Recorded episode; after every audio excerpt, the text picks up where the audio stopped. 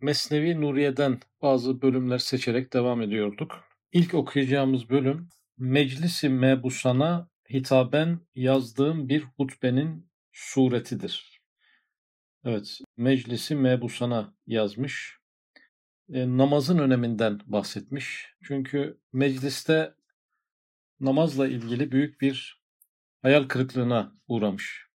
Cenab-ı Allah'ın verdiği zaferler, muzafferiyetler, e, kurtuluşlar, tehlikeden kurtuluşlar sonrasında bir şükür olan namazın artması gerekirken onun artmadığını, azaldığını, hele meclis gibi bir yerde insanların bunu bırakmış olmasını, terk etmiş olmasını elbette büyük bir hayal kırıklığıyla tespit ediyor. Asıl hastalık da bu olduğu için bununla ilgili 10 bölümden oluşan bir hutbe yazmış. Hepsini okumayacağız. Sadece bu 10 bölümünde 10.sunu e, okuyacağız. Burada sesleniş aslında milletvekillerine. E, onlarda da şunu görüyor herhalde. Yani namaza, oruca, zekata, ibadete, Kur'an okumaya ayıracağımız vakitte e, ülkemizin yükselişi için, yeniden kuruluşu için bir mesai sarf etsek gibi bir düşünce fark ediyor. Yani aslında ibadetlerden bir iktisat yapılıyor.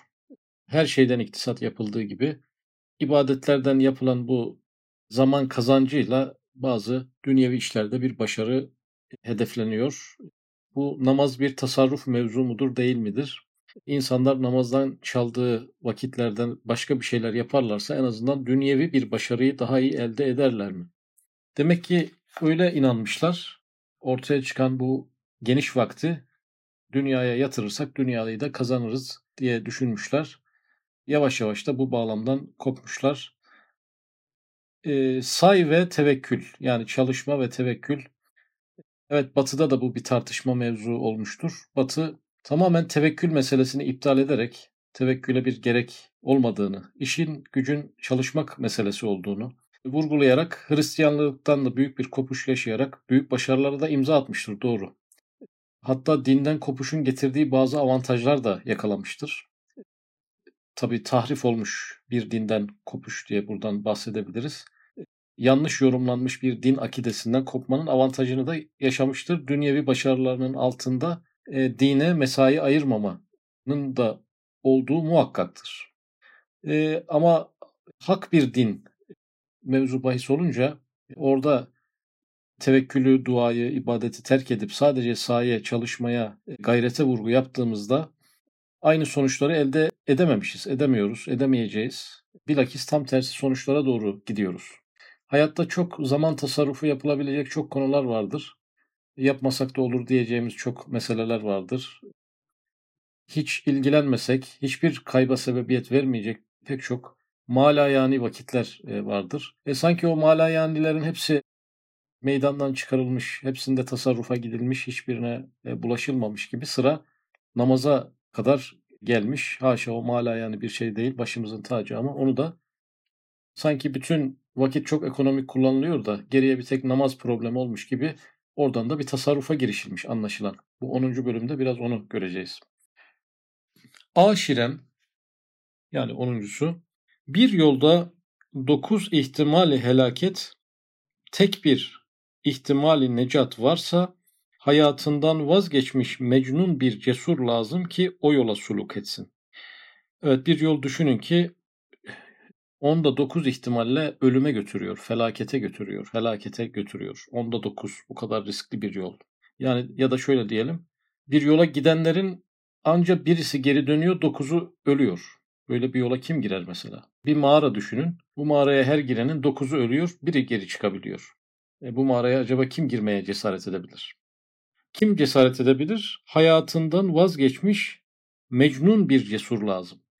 Yani hayatı önemsemeyen, mecnun olması lazım. Bu mecnunların hepsi de cesur değil. Mecnunlar biraz da onlar da ölümden korkarlar. E, bir de cesur olması gerekiyor. Hem mecnun olması gerekiyor, hem hayatı önemsememiş olması gerekiyor, hem de cesur olması gerekiyor. Şimdi 24 saatten 1 saati işgal eden farz namaz gibi zaruriyatı diniyede %99 ihtimali necat var. Evet. 24 saatin 24 saatini vermiyoruz. Yani bütün hayatı riske atmıyoruz aslında dünya yaşamını. Sadece 24'te birini. Bu 24'te birini de eğer namaz gibi dinin temel bir konusunu ayırdığımızda %99 ihtimali necat var. O yola gidenlerin %99'u kurtuluyor. Neden %100'ü demedi? Çünkü ehli sünnet itikadına göre Cenab-ı Allah'a hiçbir fiil vacip değildir. Cenab-ı Allah için vacip olan hiçbir şey yoktur. Bir insan bütün bütün dini bütün bile olsa çok takvalı, çok hassas yaşamış olsa bile Cenab-ı Allah onu cennete koymak zorunda değildir. Ha vakada böyle olmayacaktır. Hak eden, zerre kadar hayır işleyen onun karşılığını görecektir ama itikat dairesinde ehli sünnete göre e, bu kişiye cennet vacip olmamıştır. Zaten cennet bizim amellerimizin bir karşılığı değildir. İbadetlerimizin hedefi de maksadı da değildir. Yaptığımız ibadetlerin, hizmetlerin hedefi geçmiş nimetlere olan bir şükürdür. Bu şükrün de geçmiş nimetlere bir türlü boyu yetişmez. O da ayrı bir problemdir. Ama gelecekle ilgili değildir.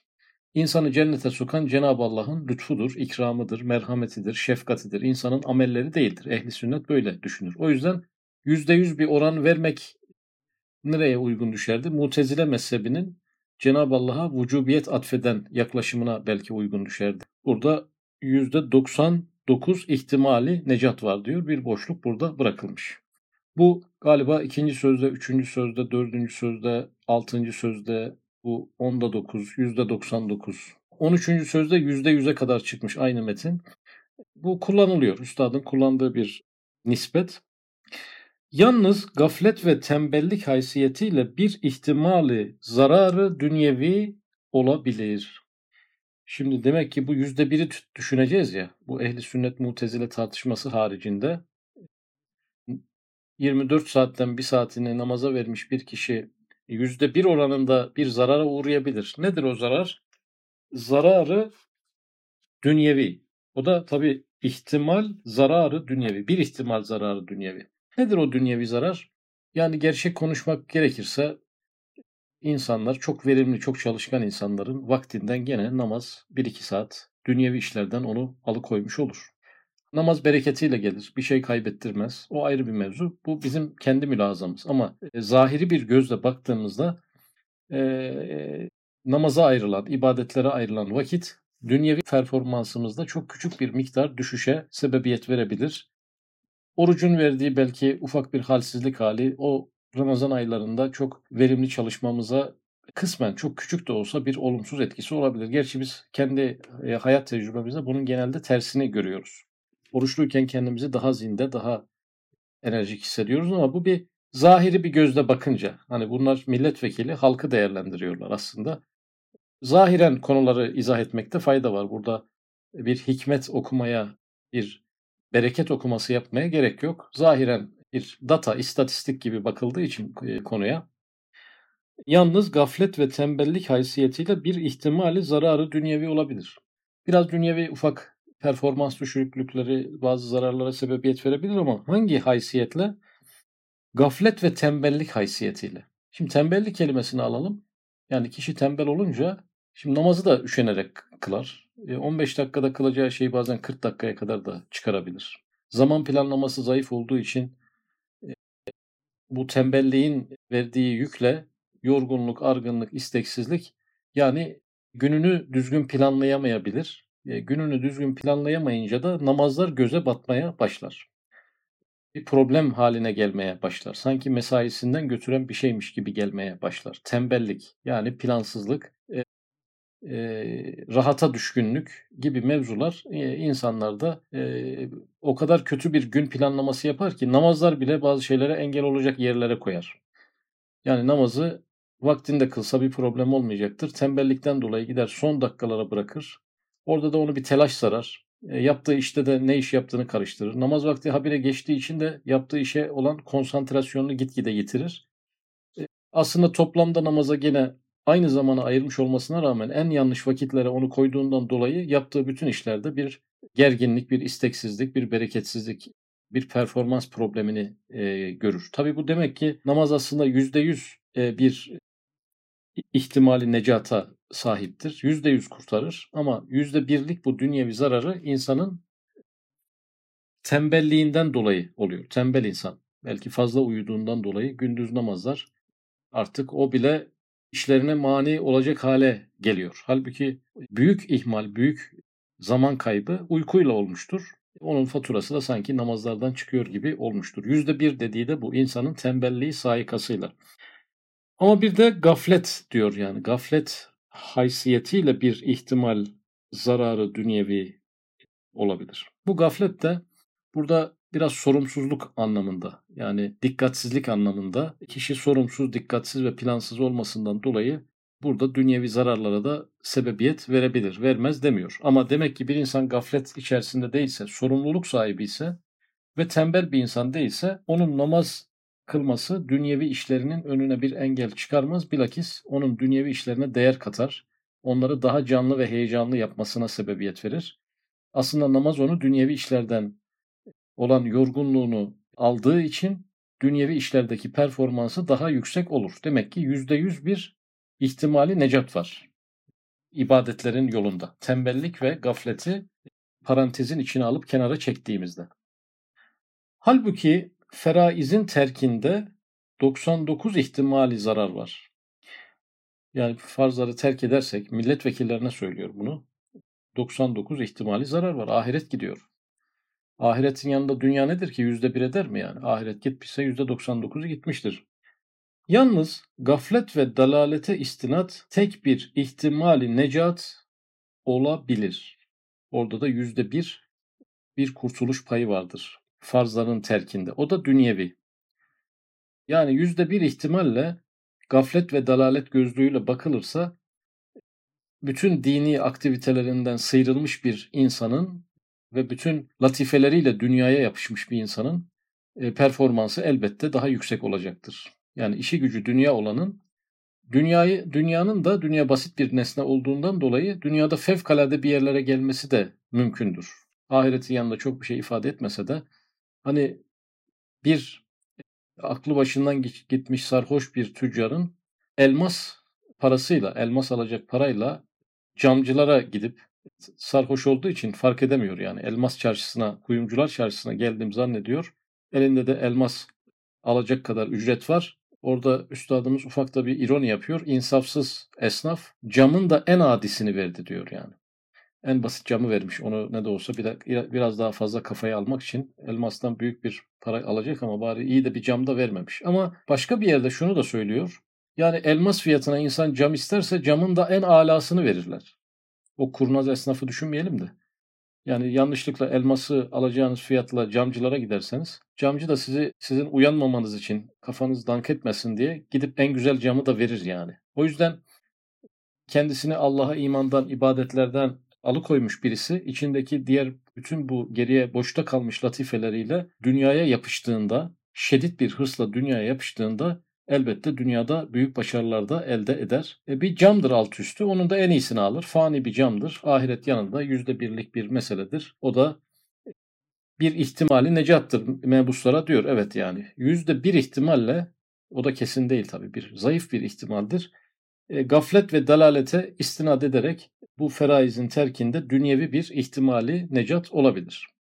Şimdi ama yüzde 99 zarar var. Hem ahirete zarar var hem de dünyaya da zarar var. Çünkü insan farzlardan kopunca, maneviyattan kopunca artık haram helal düşüncesinden de uzaklaşmaya başlayınca e, tek barınağı sığınağı bu dünyaymış gibi düşünmeye başlayınca daha hırslı, daha rekabetçi, daha kırıcı, daha acımasız, daha merhametsiz oluyor. Böyle insanların oluşturduğu bir toplumda bir ilerleme de düşünülemez. Herkesin bencilleştiği, herkesin kendisini düşündüğü, kimsenin Allah korkusu taşımadığı yerlerde ülkelerin kalkınması yine mümkün olmayacaktır. Aslında o hedeflenen şey yine yerli yerine gelmeyecektir. İnsanların topluma verdiği zararlarla bu sefer uğraşılmaya başlanacaktır. Acaba dine ve dünyaya zarar olan ihmal ve feraizin terkine ne bahane bulunabilir? Hamiyet nasıl müsaade eder? Yani burada da son soruyla bitiriyor. Hem dünyaya zararı var hem dine zararı var. Siz de bu ülkenin seçkin milletvekillerisiniz. E, ne bahaneyle acaba bunu uygun görüyorsunuz, mantıklı görüyorsunuz? Siz hangi bahaneyle bu feraizi terk ediyorsunuz? Milletin temsilcileri olarak nasıl bu meseleden rahatlıkla uzaklaşabiliyorsunuz diye bir soru soruyor. Tabii 10 tane soru soruyor. Ben sadece bir tanesini okudum. Atlayarak diğer bahse geçiyorum. Bir, son bir kısa metinle bitireceğiz. Evet. İlem eyyuhel aziz. Bu kürey arz misafirhanesi insanların mülk ve malı değildir. Ancak insanlar amele gibi o misafirhanenin çeşit çeşit işlerinde ve tezyinatında çalışırlar. Yani bir inşaat işçisini düşünün. İnşaat işçisinin yaptığı inşaatla ne kadar bir sahiplik ilişkisi vardır? Diyelim bu yaz bitirecek inşaatı, kışın evine dönecek inşaat işçisi. Ama şu an faydalanıyor mu o inşaattan? Faydalanıyor. Çünkü bir odasını kendine oda yapmıştır. Kendi yaptığı banyo tam bitmemiş olmasına rağmen orada banyo yapar. Orası onun yatak odası olmamasına rağmen orada yatar. Ya bir istifadesi binadan vardır, yok değildir. Ama ev sahibinin evi orası. Binayı yaptıranın evi o orada amele olarak çalışıyor. İnsanın dünyadaki durumu da böyledir. İnsan çalışır, bir takım ücretler alır. Aldığı zevkler de bir ücrettir. Ahirete gönderdiği sevaplar ve günahlar da bir ücrettir. Ama bu gezegenle, içinde bulunduğu bu misafirhaneyle bir sahiplik ilişkisi yoktur. Belki o inşaatta çalışan ameleden daha geçici bir ilişkisi vardır. Evet, çeşit çeşit işlerinde ve tezyinatında çalışırlar. Zaten çeşit çeşit işler yapıyor insanlar dünyada. Bir de tezyinat işinde çalışıyormuş. Aslında insan bir taraftan da bir evet amele ama bir taraftan da tuğla, malzeme, çimento yani aslında hem de dünyanın süsü insan. Yani evet insan dünyada bazı işler yaparak dünyayı süslüyor. Bir diğer taraftan insanın kendisi de bir süs. Dünyayı tamamlayan bir sanat eseri. Orada artık amele de değil yani. Kendisi bir malzeme durumunda.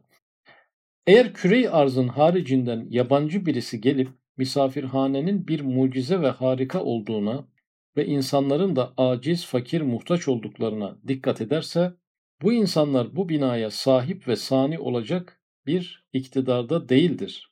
Ancak böyle harika bir masnuun sani'i de muciznüma olduğuna katiyetle hükmedecektir. Evet dış bir göz, geliyor yani bu misafirhaneye, yeryüzüne. insan değil, hayvan değil, bitki değil. Mesela uzaylı diyelim. Uzaydan bir uzaylı gelmiş. iki tane tablo gözüne çarpıyor. Dünyadaki mükemmellik, güzellik, sanat, mucizelik böyle bir eser dünya. Bir de bu mucize eserden faydalanan aciz, fakir, muhtaç insanlar. Bu ikisini bir türlü zihninde birleştiremiyor. Yani bu aciz, fakir, muhtaç insanlar bu mucize, bu harika binanın sahibi olmaları mümkün değil. E, bu e, binanın bu acizlere ait olması mümkün değil. Çünkü bina muhteşem. Binadan faydalananlar aciz ve fakir. Demek ki bu bina bunların binası değil. Dışarıdan bir gözle bunları görüyor. Ve bu insanlar o sultanı ezeliğinin makasıdına çalışan amelelerdir. Binayı görüyor muhteşem, insanları görüyor aciz, fakir, muhtaç insanlara tabii ki ev sahibi diyemeyecek. Amele diyecek. Demek ki bunlar bu ameleler burada birisi bunları çalıştırıyor diye görecektir. Bu ameleler aldıkları ücretlerinden mada bu binadan bir şeye malik ve sahip olmadıklarına tekraren hükmedeceklerdir. Ameleleri görüyor aciz, zayıf, muhtaç. Binayı görüyor muhteşem, muciz, nüma. E bu ameleler bu binanın sahibi değillerdir. Demek ki ücretli çalışıyorlar. Çünkü binadan faydalanıyorlar. En çok bu adamlar faydalanıyor. Bu aciz fakirler faydalanıyor bu binadan en çok. Demek ki bunların faydalanmaları bir ücret. Dünyevi ücretleri var, uhrevi ücretleri var. Ama binanın sahibi değiller veya mimarı değiller. Bu dışarıdan çok açık bir gözle görülür diyor.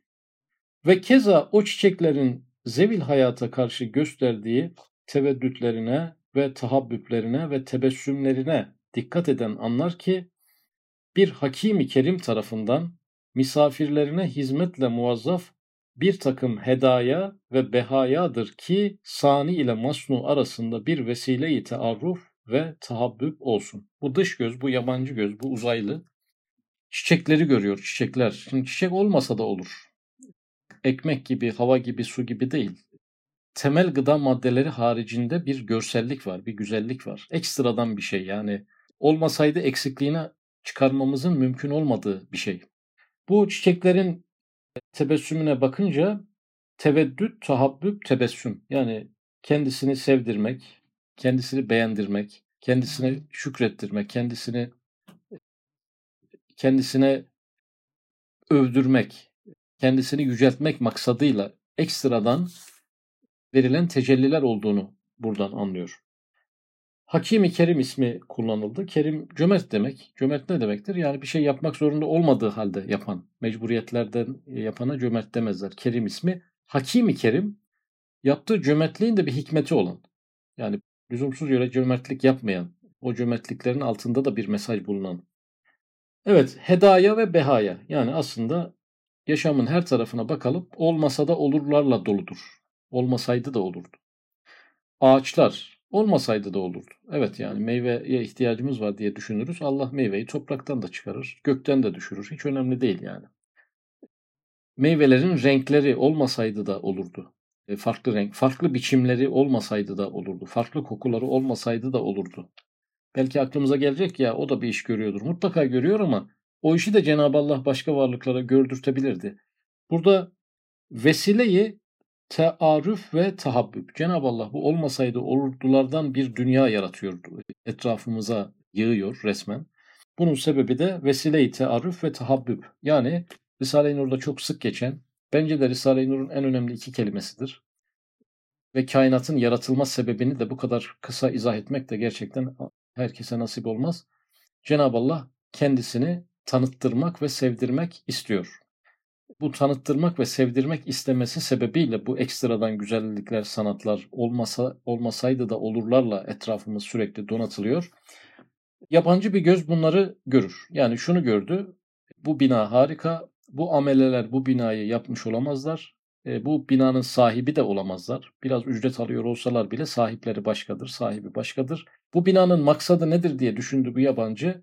Binanın sahibi kendisini buradaki misafirlere sevdirmek ve onlara kendisini bildirmek, tanıttırmak istiyor. Böylelikle yaşamın bir anlamı ortaya çıkmış oluyor. Demek ki insanın bu dünyayla ilişkisi bir sahiplik ilişkisi değil, bir ücret ilişkisidir. Dünyevi ve uhrevi ücret ilişkisidir ve netice itibariyle etrafındaki nimetler Cenab-ı Allah'ın beni sev ve beni tanı mesajından dolayı böyledir. Böyle güzeldir, böyle estetiktir, böyle muhteşemdir. İnsanın da kendisini mukabeleye sevk etmesi gerekir. Madem Cenab-ı Allah kendisini sevdirmek istiyor, insanın da kendisini Cenab-ı Hakk'ı seven bir konuma getirmesi, madem kendisini tanıttırmak istiyor, onu tanıyan ve bilen bir konuma gelmesi gerekir ki kendisinden beklenen yerine gelmiş olsun.